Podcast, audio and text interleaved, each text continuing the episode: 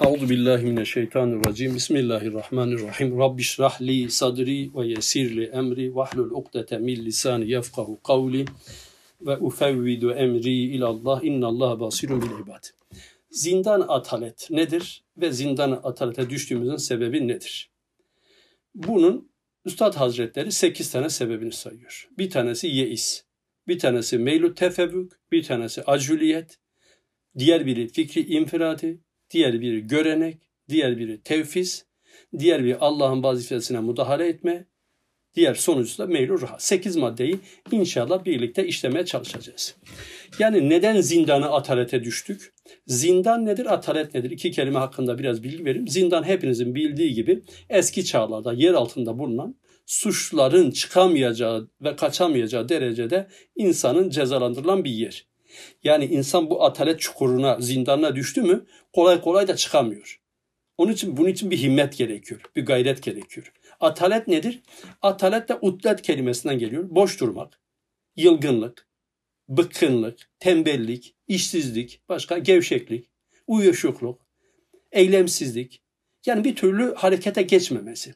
Yani kısacası belki şu da denebilir. Tükenmişlik sendromu. Yani hiçbir şey yapma. Yani biz neden bu tembellik çukuruna düştük? Onun cevabını arıyoruz. Ve bu tembellik çukurunda nasıl kurtulabiliriz? Bunun arayış içine gireceğiz. Cenab-ı Allah e, bizlere o intibaha versin inşallah.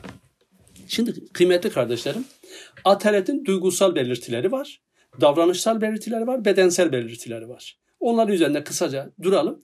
Şimdi ataletin duygusal belirtileri ne olabilir? Şevksizlik var, ümitsizlik var, motivasyon eksikliği var, o özgüven eksikliği var. Ani öfkelenebiliyor. Kendini değersiz zannediyor. Tatmin olamıyor hiçbir şeyden. Ve her şey kötü ve olumsuz bakıyor. Kendini engellenmiş kabul ediyor.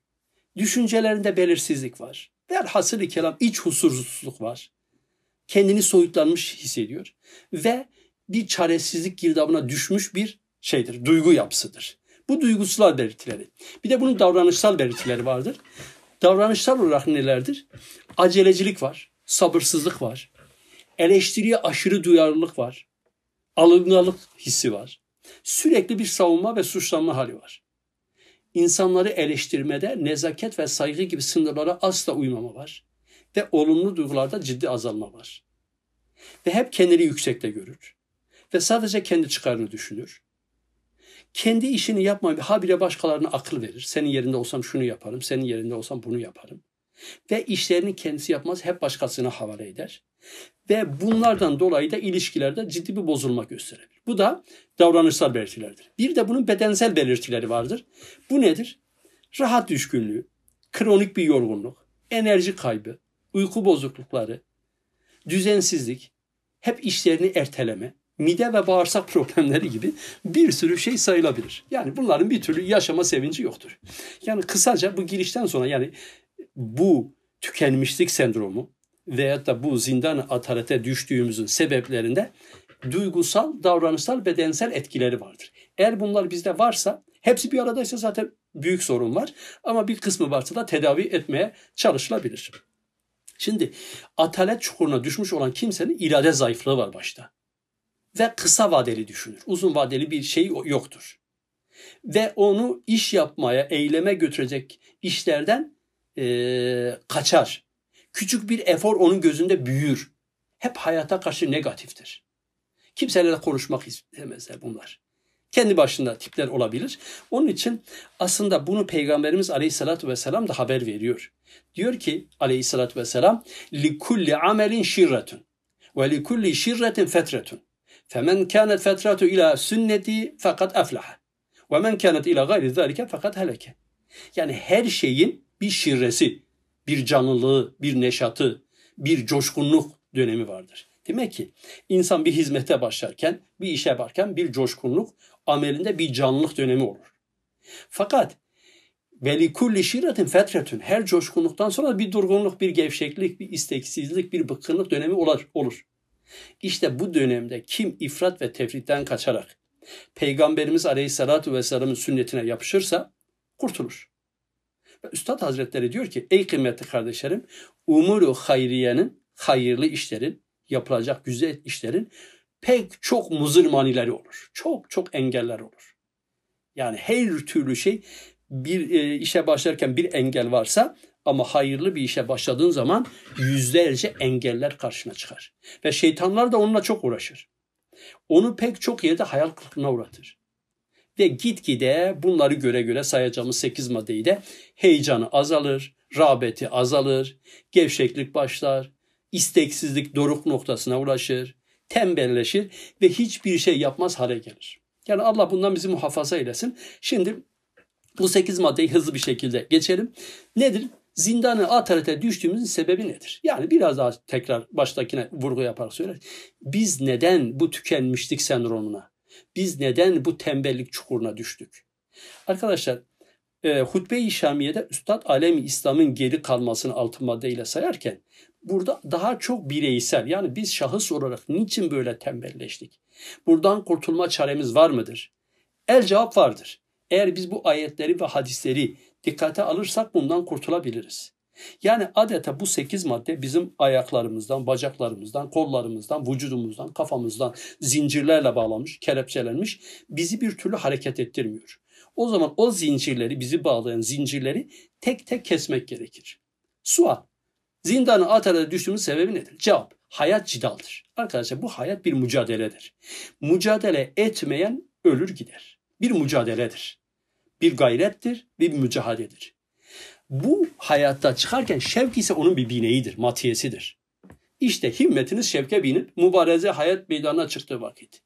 Çıktınız bir aşkla, şevkle bir ata bindiniz ve kılıcınız kuşanmış hayatta mücadeleye başlamışsınız. Veya da binmişsiniz bir araba son sürat gidiyorsunuz. Birinci düşmanımız olan, bizi çukura düşüren, bizi zindana atan, en evvel düşmanı şiddet olan yeis rast gelir. Ümitsizlik. Kuvve-i maneviyesini kırar. Onun ümitsizlik. Siz o düşmana karşı la taknatu kılıcını istimal ediniz. Yani Allah'tan ümit kesmeyin. Belki bu ümit konusunu başka bir konu olarak da işleyebiliriz Allah izin verirse, ömür verirse. Dolayısıyla Allah'tan kesinlikle hiçbir şekilde ümit kesmemek gerekiyor. Allah yapanın ücretini verir, zayi etmez. Ben çalışırım. Ümitsizlik yok. Aslında ümitsizlik diyor mani her kemaldır. Bütün olgunlukları, bütün kemalatı, bütün ilerleme engel olan bir şey olduğu gibi kanser gibi bir hastalıktır da. Yani onu öldürür. Hayatiyetini kaybettirir. Ve aslında ümit arabanın benzini ve motoru gibidir. Ne diyor? Yani o zaman terakkinin buharı olan şevk müntafi olur. Yani söner. Seni ilerleme götüren bir şevk olması. Şevk yoksa zaten Napolyon'un diyor 8 tane sebep var mağlup olunca diyor ne bir barut yok. Diğerlerini saymaya gerek yok. Yani şimdi şöyle eğer sizde o şevk yoksa zaten hayata karşı bir küsmek e, ve ilerleme olmaz. Bir kere ümisi hangi işe olursa olsun. Yani kendi hayatımızda mesela bir şirket açacaksın. Üniversitede e, master doktora yapacaksın. Veya da diyelim ki daha büyük işler yapacaksın. Onları yapacakken kesinlikle ümitsizlik olmaması lazım. O ümidin olması için de kıymetli kardeşlerim kendi e, hayatımda tecrübelerimle gördüğüm bir şey size de faydası olur. Özellikle peygamberlerin kısalarını ve büyük işler yapmış büyük zatların hikayelerini okumak insana mücadele ruhunu veriyor ve içindeki o ümmitsizliği yok ediyor. Bunun için onların hayatını okuyun. Mesela Tarık bin Ziyad'ın bir hayatını okuyun. Her ne kadar ihtilaflı da olsa o İspanya kıyılarına vardığı zaman Endülüs devletini kuracak asırlarca devam eden İspanya kıyılarına vardığı zaman ne yapıyor? Gemileri yaktırıyor. Ve ne diyor? Arkanızda düşman gibi deniz, önünüzde deniz gibi düşman. Nereye kaçacaksınız? O askerler bir zaten aşkla şevk var ama gemiler de yakıldığını görünce rivayet zayıf da olsa ama bize bir motive edebilir. Onun için e, aşkla şevkle gidiyor. Belki de Uhbe bin Nafi'nin hayatını okuyor. Ya Rab eğer önüme şu derya çıkmasaydı, şu deniz olmasaydı senin yolunda cihadı, i'la-i kelimetullah'a daha ileri götürecektim. Onun için ümitsizlik asla olmaması lazım. Birinci bu. Yani bir şeye başla. Ben bunu yapamam. Ümit bu olmaması lazım. Bir kişi bir işi başarıyorsa sen de başarırsın. Bu usta bu birinci düşmanımız bu. İkincisi çok uzatmayayım 8 tane maddemiz var. Sonra muzahametsiz olan hakkın hizmetinin yerini zapt eden meylu tefevvük. Üstün gelme. İstibdadı hücuma başlar. Himmetin başını vurur, himmetin başına vurur, atından düşürtürür. Siz kunu lillah hakikatini o düşmana gönderiniz. Evet meylü tefevvük başlar. Siz de Allah için olun. Allah için olduktan sonra meylü tefevvük. Yani meylü tefevvük nedir? İnsan Allah için değil de kendi nefsi ve egosu adına hareket eder ve karşıdakiyle bir yarışmaya girer. Kendini üstün bulur. Yani bu girdiğim bir iş yerinde hemen arkadaşınla rekabete girme. Ben bundan daha iyi iş yapayım. Yani olumlu, pozitif anlamda olur. Ama negatif ve kıskanma anlamında hizmetlerde hele hele bu hiç kaldırmaz. Çünkü meylü tefevvük devreye girdiği anda ne olur? Bir Amr İbn As'ın şeyini dinleyelim. Değil mi? Amr İbn As neydi? Daha yeni Müslüman olmuş. Peygamberimiz Aleyhisselatü Vesselam onu bir gazveye gönderiyor.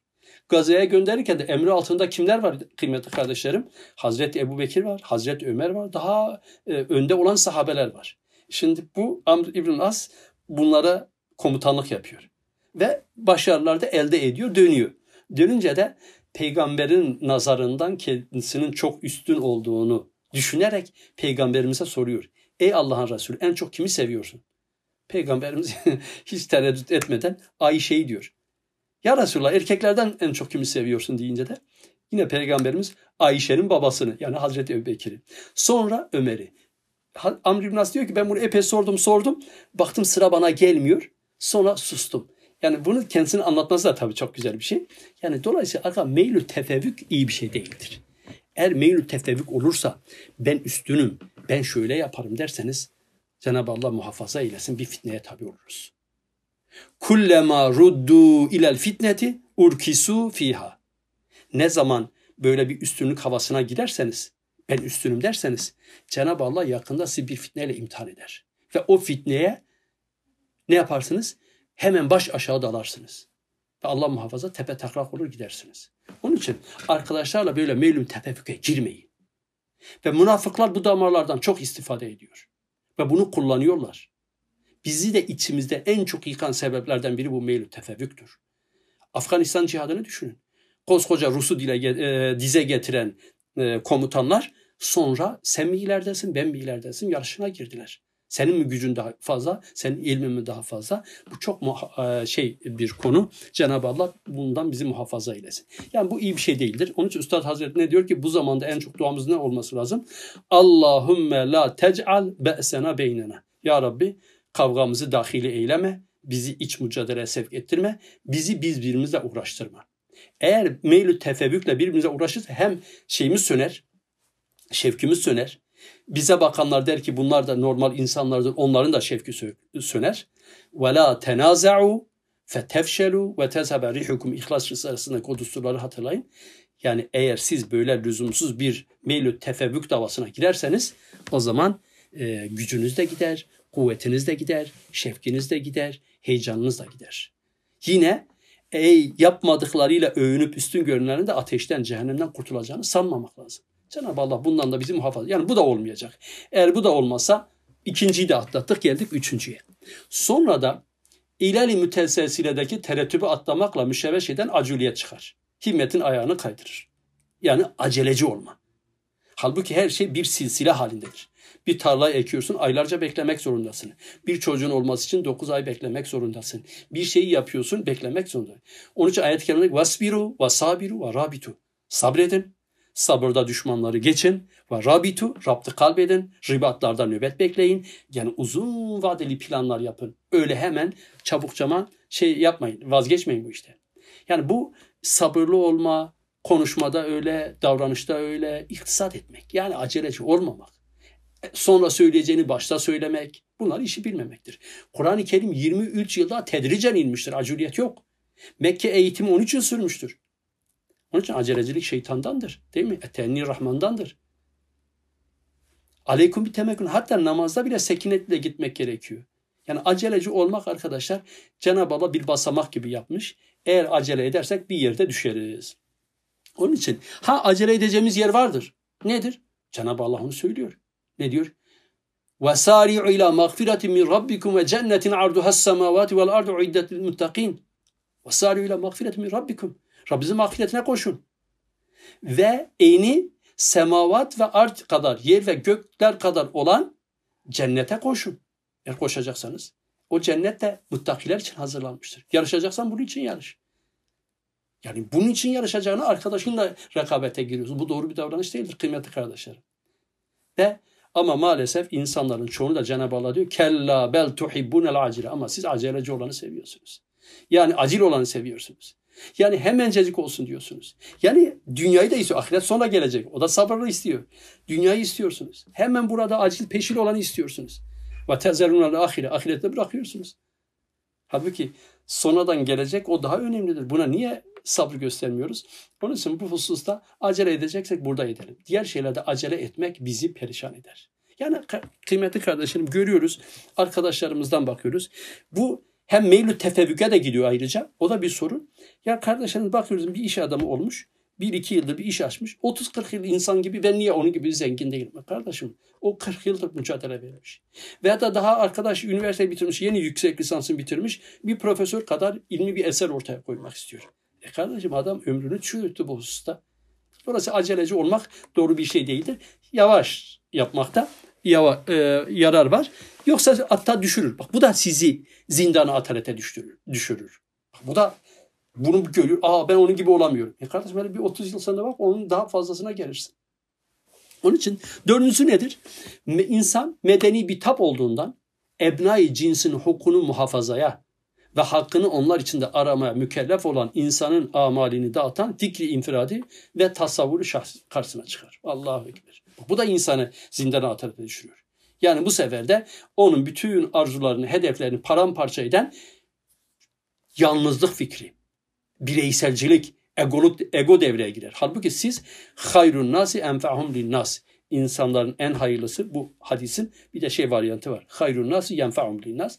Olan mücahidi ali himmetin mübarezesine çıkarması. O savaş meydanına eğer fikri şahsi çıkarsa ya işte ben ve işte amalim, işte ben, işte benim düşüncem, işte ben böyle olmaktansa insanların en hayırlısı insanlara faydası olandır. Yalnız kendi çıkarını düşünmek, kendi köşesine çekilmek ve bireyselcilik, bireysel davranmak doğru bir şey değildir. Üstad Hazretleri ne diyor? Men kâne himmetehu nefsuhu feleyse minel insan. Li ennehu medenin bitab. Yani kimin himmeti yalnız nefsi ise o insan değil. Çünkü insanın fıtratı medenidir. Ebnai cinsiyle mülahazaya mecburdur. Arkadaşın ne yapıyor? Kim ne ediyor? Bununla ilgili hadislere bakın, ayetlere bakın. Çok var. Yani bireyselcilik İslam'da yok. İbadetlerde öyle, diğer şeylere bakın, saflara bakın, diğer bakın. Ve hadiste ne diyor? Men kâne fi haceti ehi kâne Allah fi haceti. Kim kardeşinin bir ihtiyacını giderirse Allah da onun ihtiyacını giderir. Vallahu fi avnil abdi ma kânel abdu fi avni ehi. Kim e, bir kula yardım bir, bir kardeşine yardım ederse Allah da ona yardım eder. Ve hatta neydi? E, ve men ferraca an muslimin kurbeten ferracallahu anhu biha kurbeten min kurebi yemil kıyame. Kim bir müminin bir sıkıntısını giderse Allah da onun sıkıntısını giderir. Yani bunları düşündükçe bireyselcilikten ziyade bir müminin sıkıntısını gidermek. Yalnızlıktan ziyade bir mümine, bir Müslümana, bir kardeşine, bir insanlığa yardım etmek, faydalı olmak elbette ki çok önemlidir. Bu da şey yani bak bile bu da bunları düşündükçe şimdi bu hastalıkla tek tek insan bu ayetlerle hadislerle tedavi edince gerçekten insana bir motive bir şevk geliyor. Beşincisi sonra başkasının tekasülünden görenek fırsat bulup hücum edip belini kırar. Allah Allah. Bunlar hep birisi bizi engelleyen şeyler. Yani her birisi bir pranga ile ayağımıza yapışmış bırakmıyor ilerleyelim. Sen de alallah ile gayri fel yetevekkelül mütevekkilun.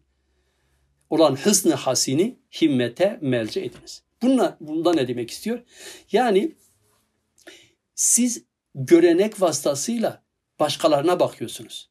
Başkasının size takdir etmesini düşünüyorsunuz. Halbuki burada Allah'ın rızasını gö- gözetmek gerekiyor. Yani burada Allah'a dayanmak gerekiyor.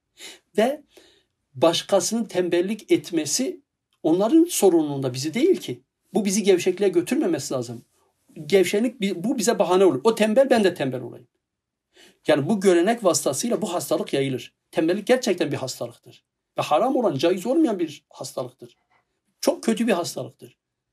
Yani nedir? Tembelin yanında kala kala tembelleşirsin. Kardeşim şey yap, ayrıl oradan. Allah'ın arzı geniştir. Hicret et. Çalışkanın yanına git. Yani aynı elemanlar birbirini ifsad ederek ve birbirini ilerletmeyen şeylerdir. Halbuki her zaman bir üsttekine daha ileridekine gidip de seviyesini yükseltmek gerekir. Görenek varsa o onu temel, o öyle hep aynı şeyi devam ettiriyor. Bir daha ileri gidip bu tembellik şeyinden kurtulmak lazım. Görenekten kurtulmak lazım. Sonra az ve nefsin itimatsızlığından neşeden altıncı hastalığımız tevfiz ve işi birbirine bırakmak. Tevfiz ve işi birbirine. Olan düşmanı gaddar gelir, himmetin elini tutup oturturur. Yani kendine özgüveni yok. Aciz ve garip. Zavallı. Bu işi de başkasına yaptırır. Halbuki neydi? Bir atasözü kurda, kurda mı demişlerdi? Boynun neden kalın diyor ki işte kendi işimi kendin yaptığımdan dolayı. Arkadaşlar işin başkasına hem e, havale etmek tembellerin işidir. Sefillerin işidir. Zavallıların işidir. Sen başkasına yapmayacaksın. Kendi işini kendin yapacaksın. La yadurrukum men la izahte duydum. Başkasının darlette olması, başkasının yanlış yolda olması seni ne yapması lazım? Bu ayetin üzerinde de bir ders yapmamız lazım. Önemli bir ayet. Hakikati, şahikayı üzerine çıkarınız. Ta o düşman eli o himmetin damene yetişmez. Yani bunda kısaca ne diyor Üstad Hazretleri? Kendi üzerine düşen vazifeyi yapmayıp işi birbirine havale etmek. Halbuki yapılmayan işlerden hepimiz sorumluyuz. Kendi işini kendin yapacaksın kardeşim. Kabiliyetin de böyle bir inkişaf eder. Ve hareketin her türlüsü lezzettir. Sen kendi işini yap ve ondan sonra oradan çıkan ücreti görürsün. Ne kadar mü- müthiş bir şekilde mutlu olursun. Bunu da hızlı geçerim. Epey uzattığımı biliyorum. Yedincisi aslında iki derste bölecektik ama hızlı bir şekilde gidelim. Sonra Allah'ın vazifesine müdahale etmek olan dinsiz düşman gelir. Himmetin yüzünü tokatlar, gözünü kör eder. Ya bu sefer siz de son açıklayayım. İstakim kema ümirt ve la teteemmer ala seyidik olan kar aşina vazife şinas olan hakikati gönderiniz ta onun haddini bildirsin. Şimdi insan kendi vazifesini yapıp Cenab-ı Hakk'ın vazifesine karışmamalı. Kendi vazifesini yapmayıp Allah'ın vazifesine karışırsa o da ümitsizliğe düşer. O da zindana atalete düşürür insanı. Yani acaba ey Allah ben böyle yapsam sen böyle yapar mısın? Ya kardeşim sana ne sen vazifeni yap. Allah çok ayetlerde diyor ki la udiyu acre men amile ben çalışan ücretini zayi etmem. Ben insanlara çalışanın emeğini karşılığını veririm. Ve sen yap. Bir de burada efendini efendilik taslamış oluyorsun. Ey Allah'ım ben böyle yapsam sen böyle yapar mısın? E bizim haddimize mi düşmüş o? Yani ey Allah'ım sen bunu emrettin. Biz de o istikametle müstakim bir şekilde o emri yerine getirmeye gayret edeceğiz. Başarır verirsin vermezsin. O senin vazifen. Bunu bilmek de insan rahatır. Ey Allah'ım sen şahit ol ki ben vazifemi yaptım. Bitti. Allah'ın vazifesine niye karışıyorsun? Ey Allah'ım ben bunu anlattım. İnsanlar dinler mi dinlemez mi? Senin vazifen değil ki kardeşim o. Senin vazifen o dersi yapmaktır. Sen bir işi yapmaktır. Cenab-ı Allah diyor ki işte akrabalarını ziyaret et. Ben akrabalarımı her zaman ziyaret ettim ama akrabalarım bana küs. O seni ilgilendirmez ki. Onların kalplerini çeviren Allah'tır. Sen vazifeni güzelce yap. Allah'ın vazifesine karşı. Bu da bizi zindana atarete düşürüyor. Yani ben böyle yapayım yapayım bir türlü netice alamıyorum. Ben çalışıyorum çalışıyorum netice alamıyorum. Ben ibadet ediyorum ediyorum neticelerini göremiyorum gibi Allah'ın vazifesine karışmak da insanı zindan atalete düşüren bir olaydır. Sekizinci son maddemiz hakkınızı helal edin. Sonra umum meşakkatin anası ve umum rezaletin yüvesi olan meyl rahat gelir. Demek ki bütün meşakkatin anası ve umum rezaletin yüvesi olan meyl rahat. Halbuki biz tam tersini düşünüyoruz değil mi? Rahat etmek ne kadar güzel. Ah yan gelip yat. Bu yan gelip yatmak bütün meşakkatlerin anası ve bütün rezillikliğin, bütün pisliğin de yuvası bu rahat etme meylidir. Ve bu himmetinizi kaydeder. Bukalar vurur, kelepçeler vurur, zincirler vurur. Seni zindanı seferata atar. Seni rezil perişan eder. Dünyada da rezil olursun ahirette de. Çalışanları gör. Bu hususta bak ne gayretler yapmışlar. Siz de buna karşı bu ayet-i kerimeyi ve en leyse lil insani illa ma İnsan için ancak çalışması vardır. Olan Mücahidi Ali Cenabı o celladı sahara gönderiniz. Allahu Ekber. Yani insan için ancak emeği, gayreti, çalışması vardır. Arkadaşlar bu celladı sahar dediği var ya insanı sihirleyen bir cellat. Yani insanı perişan eden. Yani kısacası arkadaşlar şeytan burada bizi esir almış oluyor. Aslında şeytan bize zorla kebairi işlettirmez. Şeytan bize zorla iş yaptırmaz. Ama o tembellik damarından bizi bir yakaladı mı kendine esir yapar ve ondan sonra biz onun isteklerini yerine getiririz. Evet, size meşakkatte büyük rahat vardır. Zira fıtratı müteheyyic olan insan rahatı yalnız say ve cidaldedir diyor değil mi? Bu asrın en büyük hastalıklarının başında şevksizlik ve tembellik gelir arkadaşlar. Peygamberimiz Aleyhisselatü Vesselam bütün namazlarda dua ediyor. Siz de edin. Ben de yıllardır ediyorum. Allahümme inni auzubike minel aczi vel keseli vel cubni vel buhli vel herem ilahiri uzun devam eden farklı farklı şeyler var. Ama şu ikisi önemli. Allahümme inni auzubike minel aczi vel keseli. Ey Allah'ım acizlikten, gariplikten, zavallılıktan, tembellikten sana sığınır. Arkadaşlar mevcuda iktifa dün himmetliktir. Mevcutla yetiniyor. Ya var olanla yetiniyor. Adam 30 yıldır 40 yıldır bu İslami hizmetleri biliyor. Halen daha elem terörde aşağısıyla iktifa ediyor. Kardeşim bir e, e, nebe süresine çık, bir yasine çık, bir, bir iki cüz ezberle. Bir şeye sadece mevcutla iktifa etmek. Şey, işlerinde de öyle. Diyor 80 senelik 100 senelik bir şirket ama başka yerde bizim zincirimiz yok. Bir yerde bir yerde tıkanmış kalmış. Mevcuda iktifa etme. Habire arttır. Yani bunu özellikle tabii hizmetler açısından ve ilim açısından tatbik etmekte daha da yarar var. Dolayısıyla arkadaşlar bu tembellikten kurtulmamız gerekiyor. Hakikaten bu bizi perişan eder. Şimdi ey bu sözleri dinleyen kardeşlerim. Hutbe-i başladığın, Hutbe-i Şamiye'nin başındaki bir yerden şey yapıyorum. Oraya uyarlıyorum kendi zihnimde. Biz zarar vermiyoruz. Fakat menfaat vermeye de bir gücümüz ve iktidarımız yok diye özür beyan etmeyiniz. Bu bir. Niçin? Özrünüz hiçbir cihette kabul edilmez. Tembelliğiniz, ve neme lazım deyip çalışmamanız ve gayret etmemeniz büyük bir vebaldır. İslam alemi sizin gibi kahramanları bekliyor. Bir önce kendi bir an önce kendinize gelmeniz lazım. Arkadaşlar, hakikaten bugün alem İslam perişan. Bugün etrafımıza bir bakın garibanlar dolu. E onlar için çalışmak gerekmez mi? Evet. O zaman ne yapmak lazım? Tekrar şevke gelmek için yeniden kendimizi güncellememiz ve üzerimizdeki toz ve kumarı atmamızın zamanı çoktan geldi. Ve bu sekiz hastalığı, bu sekiz virüsü vücudumuzdan çıkarıp atmanın zamanı geldi. Lillah, li vechillah, li ezillah ayağa kalkma zamanı ve çalışma zamanıdır. Uyuma zamanı değildir aziz kardeşler. Ve Kur'an-ı Kerim'de ne diyor İnşirah suresinin sonunda? Bismillahirrahmanirrahim. Fe izâ ferakte fensab. Ne diyor? Bir zorluktan sonra bir kolaylık vardır. Her zorluktan sonra bir kolaylık vardır. Öyleyse bir iş bitince fensab. Nasabe, nusubun, nasb. Ayağa kalk, dikil.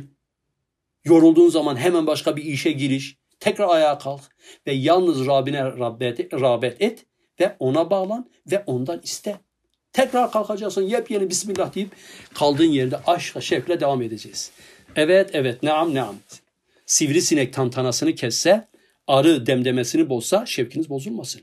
Her şey alt üst olsa asla şevkimiz bozulmaması lazım. Zaten bizim bu hizmetinin bir temeli de şevki mutlaktır gevşekliğe yer yoktur. Bu hizmette aşkla, şevkle hizmetimize devam edeceğiz. Şimdi kıymetli kardeşlerim, o sekiz hastalıktan bildiğiniz gibi bunları eğer tek tek vücudumuzdan silebilirsek o zaman ne yaparız?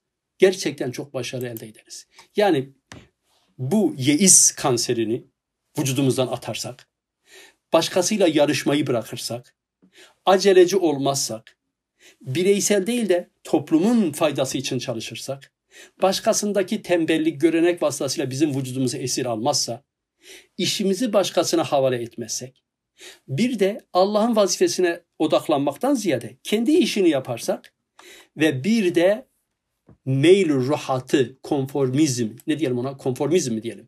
Yani onu terk edersek, tembelliği terk edersek o zaman gerçekten çok büyük işler yapar ve gerçekten şevkimiz yere gelir. Peki Bunları yapmasak ne olur? O zaman emin olasın. Zuhruf suresindeki ayet bizi titretir. Zuhruf suresinde Cenab-ı Allah nasıl buyuruyor? وَمَنْ يَعْشُ عَنْ ذِكْرِ rahman نُقَيِّدْ لَوْ شَيْطَانًا فَهُوَ لَوْ قَرِنْ Allahu Ekber, Subhanallah. وَمَنْ يَعْشُ عَنْ ذِكْرِ rahman Kim Rahman'ın zikrine karşı körlük ederse, kim Allah'ın gönderdiği mesaja karşı, yani Kur'an'a karşı, durusu Kur'aniye'ye karşı, onu dinlemezse, ona karşı ilgisiz kalırsa, ona ön yargıyla e, bakarsa, yani bu anlattıklarımız her şeye fasafiso bakarsanız, ön yargıyla ya bunlar olmaz derseniz, biz de ne yaparız? Nukayyid lehu şeytana. Biz de ona bir şeytan musallat ederiz. Fehu lehu karin. Fehuve lehu karin. O da ona bir karin olur. Bir akraba olur. Bir yakın dost olur. Bir akran olur. Onun yakın e, kankası olur. Onu e, ne yapar? Yoldaşı olur. Onu yanlış yollara sevk eder. Allahu Ekber. Onun için Kur'an-ı Kerim'in bu emirlerine karşı eğer duyarsız kalırsak, ilgisiz kalırsak ve bu derslerden istifade etmezsek, ön yargılı olursak Cenab-ı Allah bize bir şeytan musallat eder.